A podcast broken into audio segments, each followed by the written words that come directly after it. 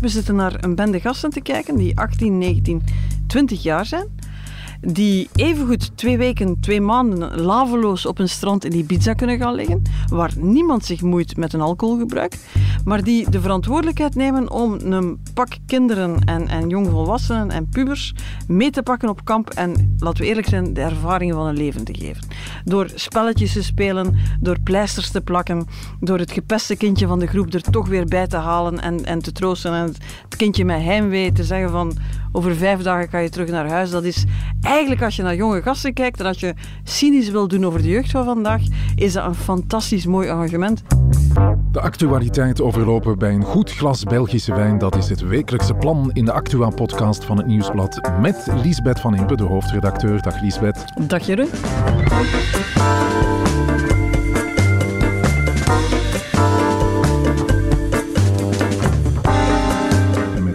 Jeroen Roppe van op de redactie in Antwerpen. Dit is het punt van Van Impe.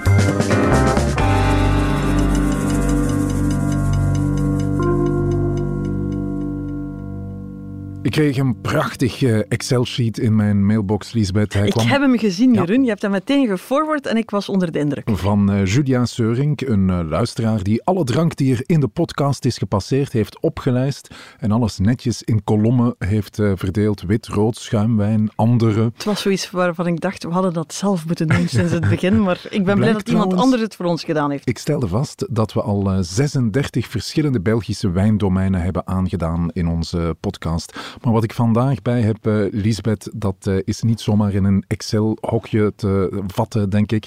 Deze fles, Lisbeth, is het bier? Is het wijn? Wie zal het zeggen? Het, is het ziet eruit als wijn. Ja. Maar dra, drap? Drap, ja. Drap, dus Vlaams. Inderdaad, met een prachtig etiket.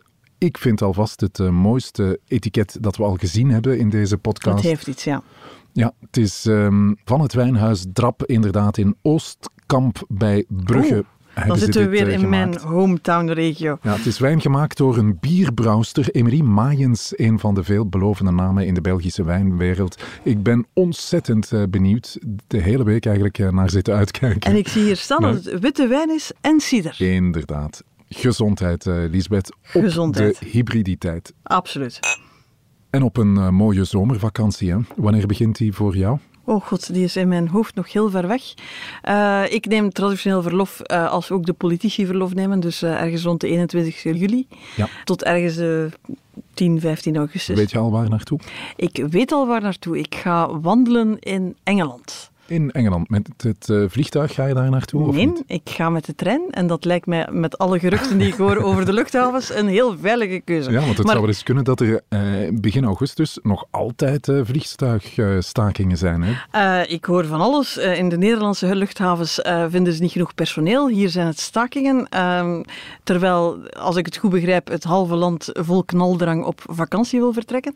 Zo'n vakantieuittocht die verstoord wordt, dat, is, dat lijkt mij voor een vakbond en zo ja. toch altijd een groot risico. Maar nee, ik ga met de trein. Ik probeer binnen Europa, als ik kan met de trein gaan, dan doe ik het. En ik ga wandelen in de Peak District. Dus ik ga met de trein naar Londen en dan nog een trein en dan ben ik er. Over stakingen, daar uh, wil ik het over hebben met uh, jou straks. Ik hoop dat je ook een punt hebt, Lisbeth, over de jeugdkampen.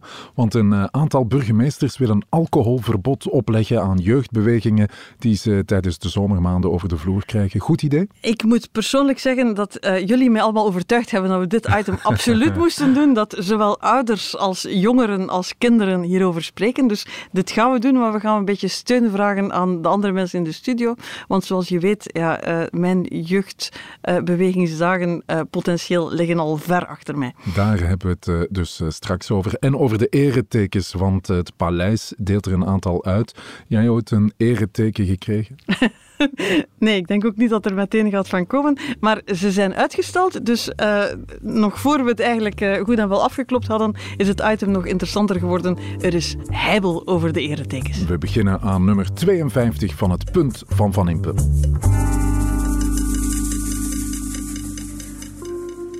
Wij hebben inderdaad veel te weinig loon, dat is niet normaal. Alles gaat omhoog, de benzine, brood, gewoon uh, frietjes, gaan maar naar de winkel. Met 50 euro loop je nergens meer. He. Loon, dat blijft altijd maar toch, hè? terwijl dan de grote bedrijven massa winsten maken en uitdelen aan de aandeelhouders. Dat wij blijven maar staan hè, achteruit. Wij gaan niet... Jullie willen ook een deel van die koek? Wij willen ook een deel van die koek waar we eigenlijk toch recht op hebben. Want we werken er tenslotte voor. Hè. Als we dat zien, dienstencheckers, allemaal die mensen moeten echt met een heel ondermaats loon aan de slag. Gaan gaan werken, kunnen de rekeningen niet meer bol maken. Dat is schrijnend.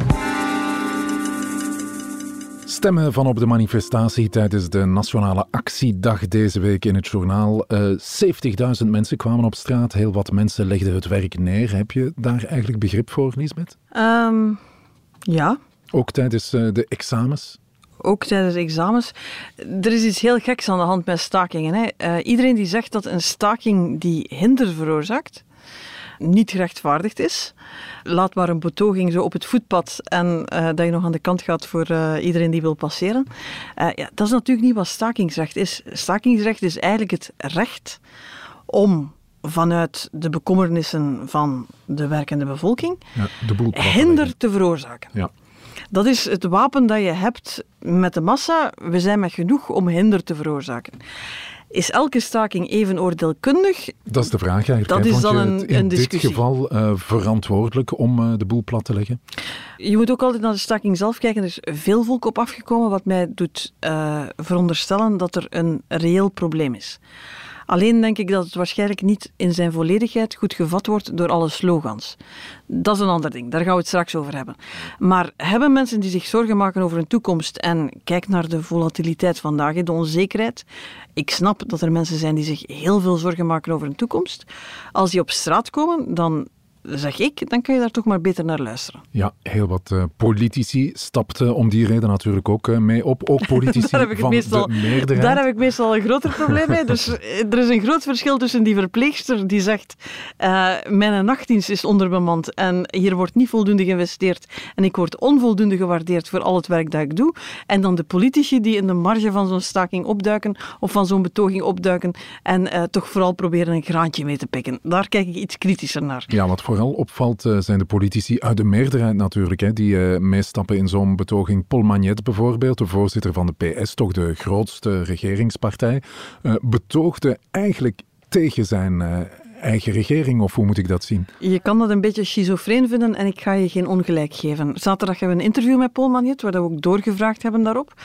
En daar krijg je eigenlijk aan de ene kant een heel verhaal van we willen aan de kant staan van de mensen die zich onzeker en bedreigd voelen. Fair enough. Aan de andere kant zie je duidelijk, dit is een politiek spel. De PvdA was zeer prominent aanwezig op deze staking. PS zegt zo van, ja, die hebben die mee georganiseerd. En ja, dan moeten wij daar ook zijn, want we willen ons niet de kaas van het brood laten eten. En dan zit je bijna met de samenvatting van wat vandaag problematisch is in politiek en in de verantwoordelijkheid die mensen in een regering nemen. Ja, veel mensen maken zich duidelijk zorgen. Zorgen om de koopkracht. Lisbeth die is sterk verminderd na een pandemie die uh, twee jaar duurde, na een en oorlog die uh, losbrak. Regeringen proberen daar overal iets aan te doen, maar nergens kunnen ze een koopkrachtverlaging echt tegenhouden. Hè? Weet je wat vandaag het probleem is, Jeroen? Ik weet niet, heb jij heel veel last van koopkrachtverlaging op dit moment? op dit moment niet, zou ik zeggen. Hè?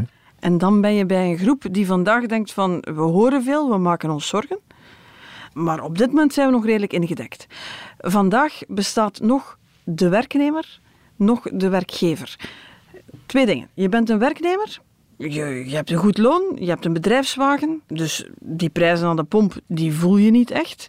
Je hebt het geluk dat je een vast contract had bij je energieleverancier, dus er is nog niet veel veranderd op dat vlak met je voorschotten. Eigenlijk zeg je vandaag, het is een probleem dat ik later waarschijnlijk zal voelen, maar vandaag voel ik het nog niet. Zet dat naast een werknemer die die bedrijfswagen niet heeft, ja.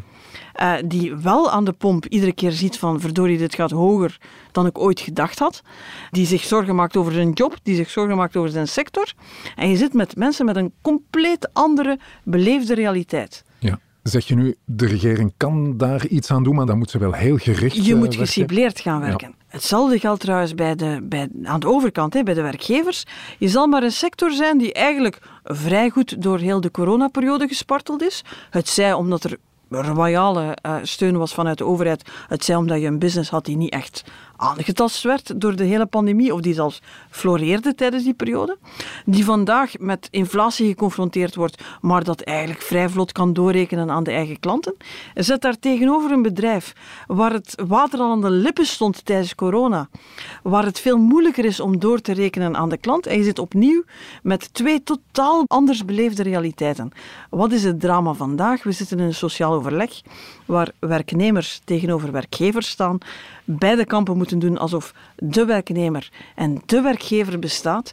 Zelfs in, in de data, in de feiten die we ter beschikking hebben, is niet altijd makkelijk om daar een onderscheid in te maken. En dus een regering staat voor de fundamentele keuze: geef ik heel veel geld uit, ook aan de mensen die het niet nodig hebben? Of ben ik begrotingsorthodox, zal ik maar zeggen. Hou ik de rekeningen op orde en laat ik een aantal mensen die echt ja, op het randje staan ook gewoon verzuipen. Je voelt, je hebt hier een genuanceerder antwoord nodig. Ja, als er nu één ding is waar betogingen, maar ook manifesto's van bedrijfsorganisaties, werkgeversorganisaties niet goed in zijn, is het natuurlijk in, in dat soort nuances. Dat wordt een uh, zware klus, een moeilijke klus uh, voor de regering De Croo. Uh, de moeilijkste misschien, want je hoort wel eens zeggen, als de regering ergens over kan vallen, dan is het daarover. Hè? Ja, nu een jaar op voorhand aankondigen waarover de regering gaat vallen, dat werkt meestal niet vrij goed. Je kan je zelfs afvragen van, van waar komt dat eigenlijk, dat soort voorspellingen. Maar je voelt wel, um, aan de ene kant hebben we de automatische indexering. Dat is de bescherming voor de werknemers. Waar je voelt van, voor heel veel mensen werkt dat goed. Maar voor zo de lagere middenklasse, ja, daar zit een, een moeilijke categorie die eigenlijk onvoldoende gecompenseerd wordt. Aan de andere kant heb je de loonnorm. Worden we wat technischer, dat is een loonnorm met 96. Verscherpt door de regering Michel. Die zegt van we moeten toch ook goed kijken naar het buitenland. Dat onze lonen niet veel sneller groeien dan in het buitenland. Want dan vermindert de concurrentiekracht van onze ja. bedrijven. Oké, okay, dat is een ander perspectief. Die twee zitten daar. De regering lost dat op dit moment op door te zeggen: we raken aan geen van de twee. We laten de index ongemoeid en we laten de loonnorm ongemoeid. Ja. Wat betekent dat heel veel werknemers een indexering gaan krijgen, maar geen extra opslag. De betoging zegt, wij moeten wel extra opslag krijgen, zeker in de sectoren waar het kan. Daar loopt dan een regeringspartij mee in de betoging. Aan de andere kant zit je met degenen die zeggen van ja, maar ja, die indexering is eigenlijk al overdreven. Dat stelt onze, onze bedrijven voor problemen. Het gevecht daar rond, dat is het gevecht van het najaar, van het begin van volgend jaar. En dat is waar de Vivaldi-regering zal moeten tonen dat uh, ja, men elkaar heel diep in de ogen kan kijken. Premier De Croo die zei ook, uh, vakbonden en werkgevers die zouden met elkaar moeten praten eigenlijk in plaats van uh, naar elkaar staan te roepen. geloof jij nog in dat sociaal overleg? Het is heel makkelijk om daar heel cynisch over te doen. Minister Van Petegem, de vicepremier voor CD&V, die nogthans het sociaal overleg en dat hele model heel genegen is, zei in zijn Rerum Novarum toespraak, um, de werkgevers en de vakbonden, allebei, dat zijn eigenlijk geen middenveldorganisaties meer, dat zijn lobbygroepen geworden. Ja. En dat klinkt ongeveer als hetzelfde, maar het, het verschil is fundamenteel. Middenveldorganisaties die zitten rond de tafel, die brengen bezorgdheden, uh, gevoeligheden, uh, aandachtspunten mee vanuit hun achterban, maar die gaan samen op zoek naar een soort van maatschappelijke oplossing, een nieuw evenwicht.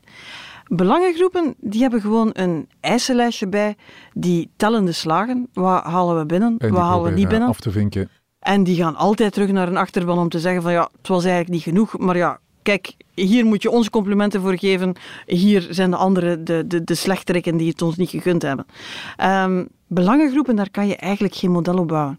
Hm. Middenveldorganisaties, die zijn heel lang de spil geweest. En we zien nu al heel lang dat dat eigenlijk niet meer werkt. Dat we er niet in slagen om werkgevers, werknemers, en dan gesmeerd door de regering met geld, met een aantal randvoorwaarden, uh, om een aantal dingen te faciliteren, dat we daar niet uit geraken. Dat loopt vast en dat is eigenlijk een gigantisch probleem ja. in de complexiteit waarin we leven. Want dat is jouw punt, hè, Lisbeth. Uh, de werkgever en de werknemer die bestaat eigenlijk niet. Er zijn veel meer partijen dan alleen maar uh, werkgevers en werknemers.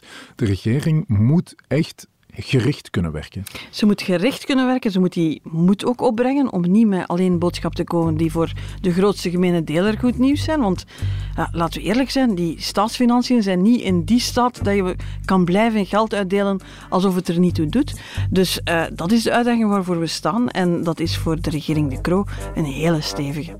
Het punt van Van Impe.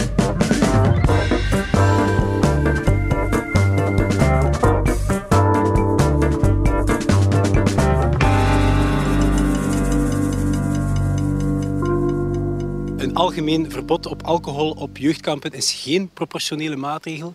Je doet dat ook niet op campings, op festivalterreinen of op terrassen.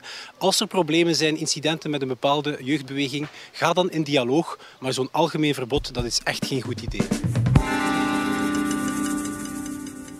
Benjamin Dalle, Vlaams minister van Jeugd, over een verbod op alcohol voor jeugdkampen. Ga je dit jaar op kamp in Florentville, Chiny, Andenne of Bouillon? Dan mag je geen alcohol drinken. Dat beslisten de burgemeesters van die vier steden. Jeugdkampen zouden er te vaak voor overlast zorgen. Uh, Lisbeth, ben jij eigenlijk ooit lid geweest van een jeugdbeweging? Ik ben nooit lid geweest van de jeugdbeweging. Geen scouts, geen Giro, geen Eén keer op een gekke manier op kamp geweest, maar nooit lid van de jeugdbeweging. Nee, ik uh, ook niet, uh, moet ik eerlijk zeggen. Dus Lisbeth, dus wij hadden een totaal probleem. geen jeugdbewegingstype. We hadden door maar, dat dit het thema is waar half Vlaanderen nu al een week over bezig is. Maar ja, gezien onze eigen Gelukkig. gebrekkige ervaring hebben we de hulptroepen ingeschakeld. Inderdaad, er loopt hier wel wat uh, volk rond dat een uh, verleden heeft bij de jeugdbeweging. Uh, Bert Heijvaart is producer van het Punt van Van Impe. En Jonny Keimolen, stagiair hier bij het Punt van Van die Impe. heeft niet alleen een verleden bij de jeugdbeweging, die heeft een heden bij de jeugdbeweging. ja, klopt. Ja. Joni, zeg eens, is dat nu onlosmakelijk met elkaar verbonden? Drinken en op kamp gaan? Hoort dat erbij? Onlosmakelijk zou ik niet durven zeggen. Er zijn bij ons op de scouts verschillende mensen in leiding die om eender welke reden ervoor gekozen hebben om geen alcohol te drinken.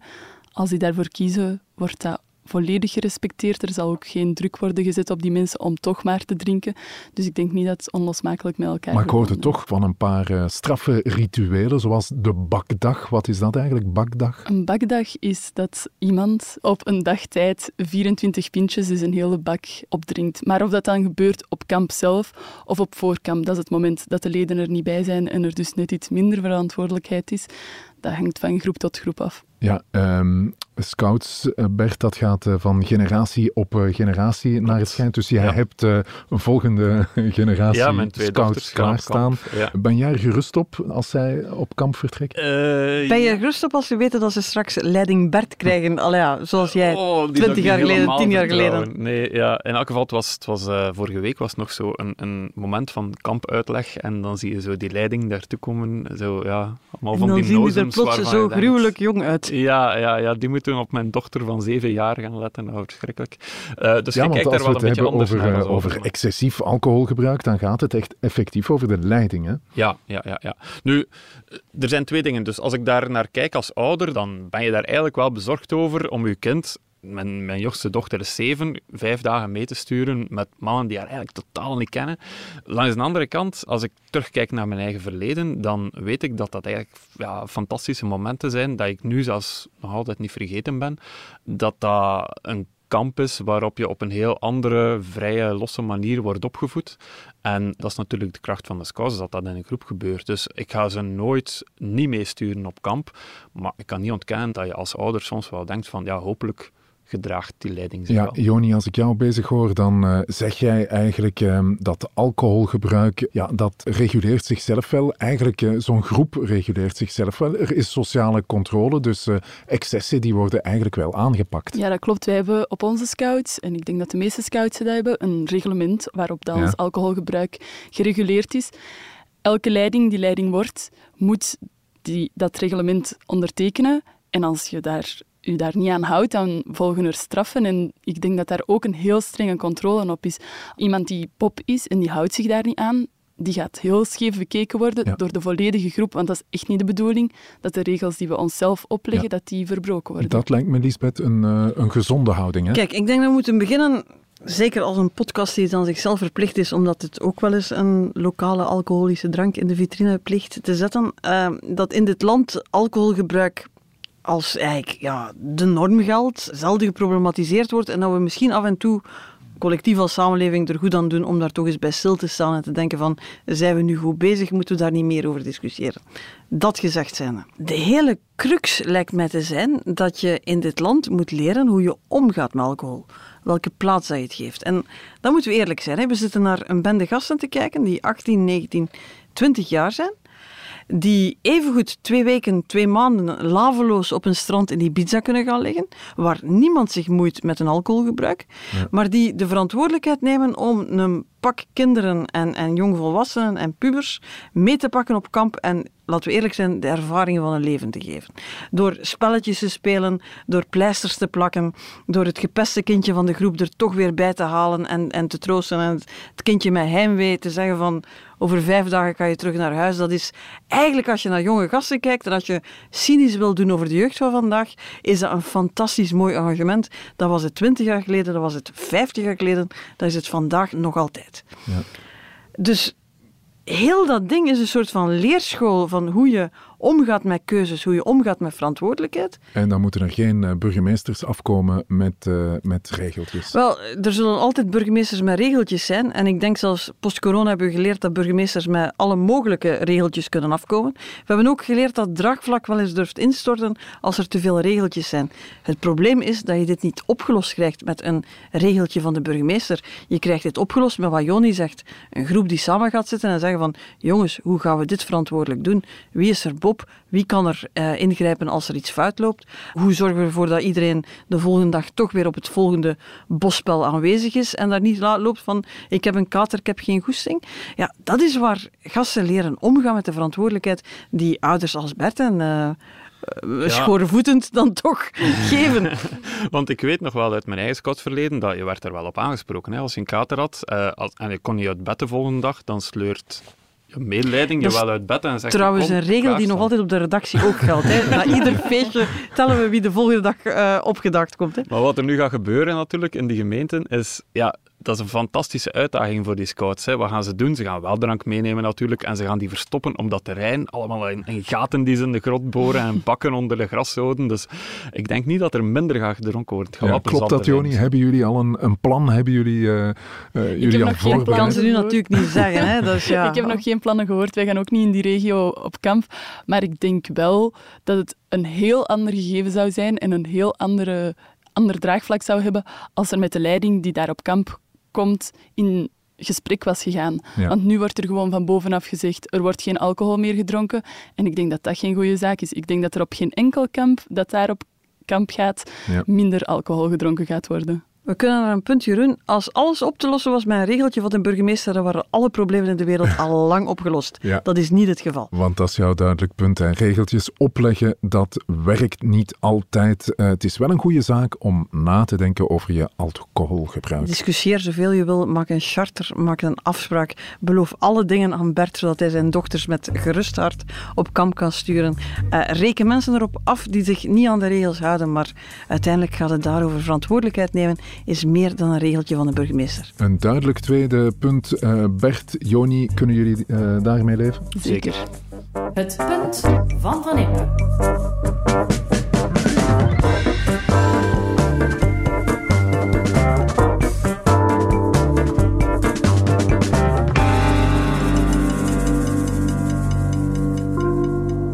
Ik heb toch 36 jaar parlement gedaan. Ik denk dat ik dat in eer en geweten gedaan heb. Ja?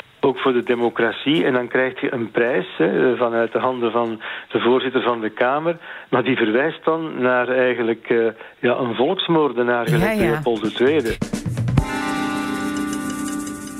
Je hoorde Erik van Rompuy, iemand die heel lang in het parlement heeft gezeten en daarvoor wordt bedankt met een ereteken. Terecht, Lisbeth? Uh, terecht of niet, je hoort hem bezig. Hij is heel zijn carrière contrair geweest. Hij houdt dat vol. Hij is vandaag voorzitter van de CD&V Senioren en hij vindt nog altijd dat stukje contrair zijn, uh, in, zijn, uh, in zijn persoonlijkheid. Ja, en ik vrees dat hij hier een punt heeft, ja. Hij is niet de enige. Heel wat vroegere parlementsleden of leden van de regering, die krijgen zo'n ereteken uh, automatisch, als ik het goed door heb? Daar begint het, hè, Jeroen. Je zegt automatisch. Je voelt dat er een, een, een soort van logica achter zit. Als iemand lang genoeg in het parlement zit, dan wordt hij beloond met een of ander lintje. Dat een dan, anciëniteit. Ja, daar zitten dan een paar gradaties in. Dus de ene promoveert een beetje. Het ene is een groot order en een groot orde daar en een ridder hier en noem maar op.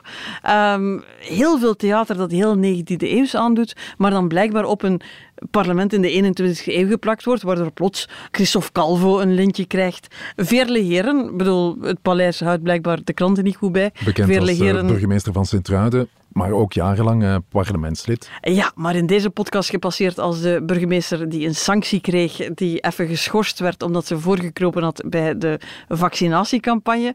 Uh, dat is blijkbaar niet doorgedrongen tot het paleis, dus ze staat op die lijst. Waarschijnlijk omdat er een automatisme is, maar een automatisme dat niemand echt goed begrijpt. Want er zijn ook een pak mensen die het weigeren en daar horen we niet van. Ja, wie dan? Wie weigert dit? Wel, het is geweten dat het uh, Vlaamse nationalisten, uh, eh, NVA's, bijna dofies weigeren. Helga Stevens heeft denk ik aanvaard. Maar uh, de meeste NVA's laten deze koninklijke eer feestelijk aan zich passeren. Maar ook iemand als Joris van den Broeke, de vooruitman uit Gent, zei van ja, ik heb dat ook aangeboden gekregen, ik heb dat geweigerd. Waarop die in deze moderne tijden op Twitter daar heel veel felicitaties voor ontvangt. Zou je het ook weigeren mochten ze het aanbieden, Lisbeth? Ik ben geen lintjes of titelsmens. dit is, je hebt de adellijke titels, je hebt de lintjes. Mij komt dat toch altijd over als relieken uit een lang vervlogen verleden. Maar je moet eerlijk zijn, wat heeft het Vlaamse niveau gedaan zodra ze konden? Ook een ereteken van Vlaamse verdiensten geïnstalleerd. De Vlaamse regering kent eretekens toe. Het Vlaams parlement kent eretekens toe. Het is blijkbaar iets wat we nodig hebben om af en toe te zeggen dat iemand goed bezig is. Ja, Erik van Rompuy die kreeg het uh, groot kruis uh, van um, Leopold II, als ik, het goed heb. De zoeken, orde van ja. Leopold II. En daar begint dus de echte miserie. Dat is geïnstalleerd door Leopold II. Leopold I heeft ook zijn eigen lintjes, maar dit is Leopold II. Het is nog expliciet gelinkt aan de periode van Congo-Vrijstaat. De periode dat Congo eigenlijk het persoonlijke domein was van Leopold II. Nog niet eens een Belgische kolonie, maar eigenlijk de persoonlijke speeltuin van de koning. Die wou een paar mensen belonen voor verdiensten en zo is dat ontstaan. En het is daar dat vandaag de week waarin we de tand van Lumumba teruggegeven hebben aan Congo. Eén, twee weken nadat we in Congo geweest zijn om te zeggen dat ja, alles wat we daaruit gestoken hebben, zeker onder Leopold II, uh, toch niet helemaal proper was. Ja, dan zit je hier met mensen die eigenlijk de hoogste onderscheiding krijgen waar ze kunnen op hopen. En die is dan genoemd naar Leopold II. Uh, uit de periode Congo-Vrijstaat. Ja, ambiguur wordt het niet. En dat wil uh, Erik van Rompuy uh, natuurlijk niet. Hè. Uh, net nu we volop aan het decoloniseren zijn, wil hij geen ereteken, zegt hij zelf, genoemd naar een volksmoordenaar. Lisbeth, moeten we het dan maar... Laat het dan Erik van Rompuy om het meteen scherp te stellen, maar ja, dat is wel de problematiek, ja. Moeten we het dan maar de Annie Cordy-orde noemen, zoals de tunnel in er Brussel? Er zijn suggesties om te zeggen, laat ons niet meer terugkijken naar Leopold II, laat ons vooruitkijken en het de orde van Elisabeth, de volgende koningin, noemen. Ik denk dat je eigenlijk kritischer moet gaan nadenken over het soort onderscheidingen dat je geeft. Eigenlijk zou dat geen automatisme mogen zijn. Wat, wat is de verdienste dat je tien of twintig jaar in een parlement zit? Dat een land of dat nu Vlaanderen is, of dat er nu België is, of dat dat nog iets anders is, af en toe ervoor kiest om mensen in de spotlight te zetten en bijzondere verdiensten te huldigen, ja, maar doe dat transparant. Doe dat op een manier die mensen kunnen verstaan. En zorg niet dat dat zo'n lijstje is dat op de redacties binnenvalt, omdat het nu eenmaal die tijd van het jaar is. En dat er ergens op Paleis iemand gezegd heeft: we hebben 25 lintjes uit te delen. Dus als je echt mensen in de spotlight wil zetten, zorg dan dat het duidelijk is waarom je ze in de spotlight zet. Ik denk dat veel heren er dan in deze wel afgevallen zijn. Een duidelijk punt. Als je wilt uh, onderscheiden, doe het dan uh, transparant. Want uh, eigenlijk hebben eretekens geen enkel nut. Al zeker geen eretekens genoemd naar Leopold II. En nee, Leopold II, laten we die er dan... Allee, we zijn al aan het discussiëren over de standbeelden. Dit zouden we wel kunnen beslechten. En voor de rest, zorg dat dat geen lijstje is dat binnenvalt op redacties waar iedereen naar zit te kijken en zijn haar krapt van moeten we nu echt gaan googelen hoe lang ze in het parlement gezeten hebben. Dat lijkt me niet juiste manier. Het punt van Van Impe.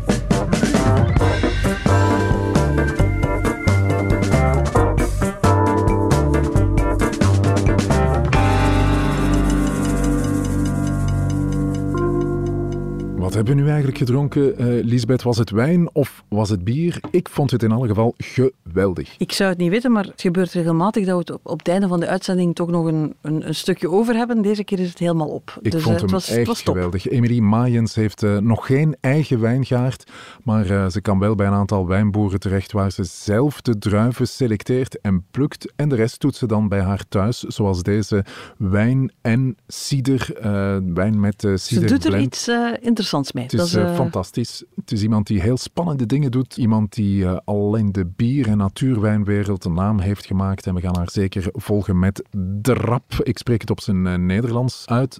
Weet je trouwens wat het betekent? Drap? Nee. Nee, het is eh bezinksel eigenlijk. Ah ja, ja, maar dat is ook hè. bij een Drap. B schrijven. Maar goed, drap. Ja. Ja, daar eh, is het eh, waarschijnlijk een, een verwijzing naar. Het was een zeer geslaagde introductie in deze podcast, ik zeggen. Elegante ciderwijn. Voilà, dat doet mij meteen verlangen naar de volgende Lisbeth over een week. Tot volgende week. Hè. Tot volgende week.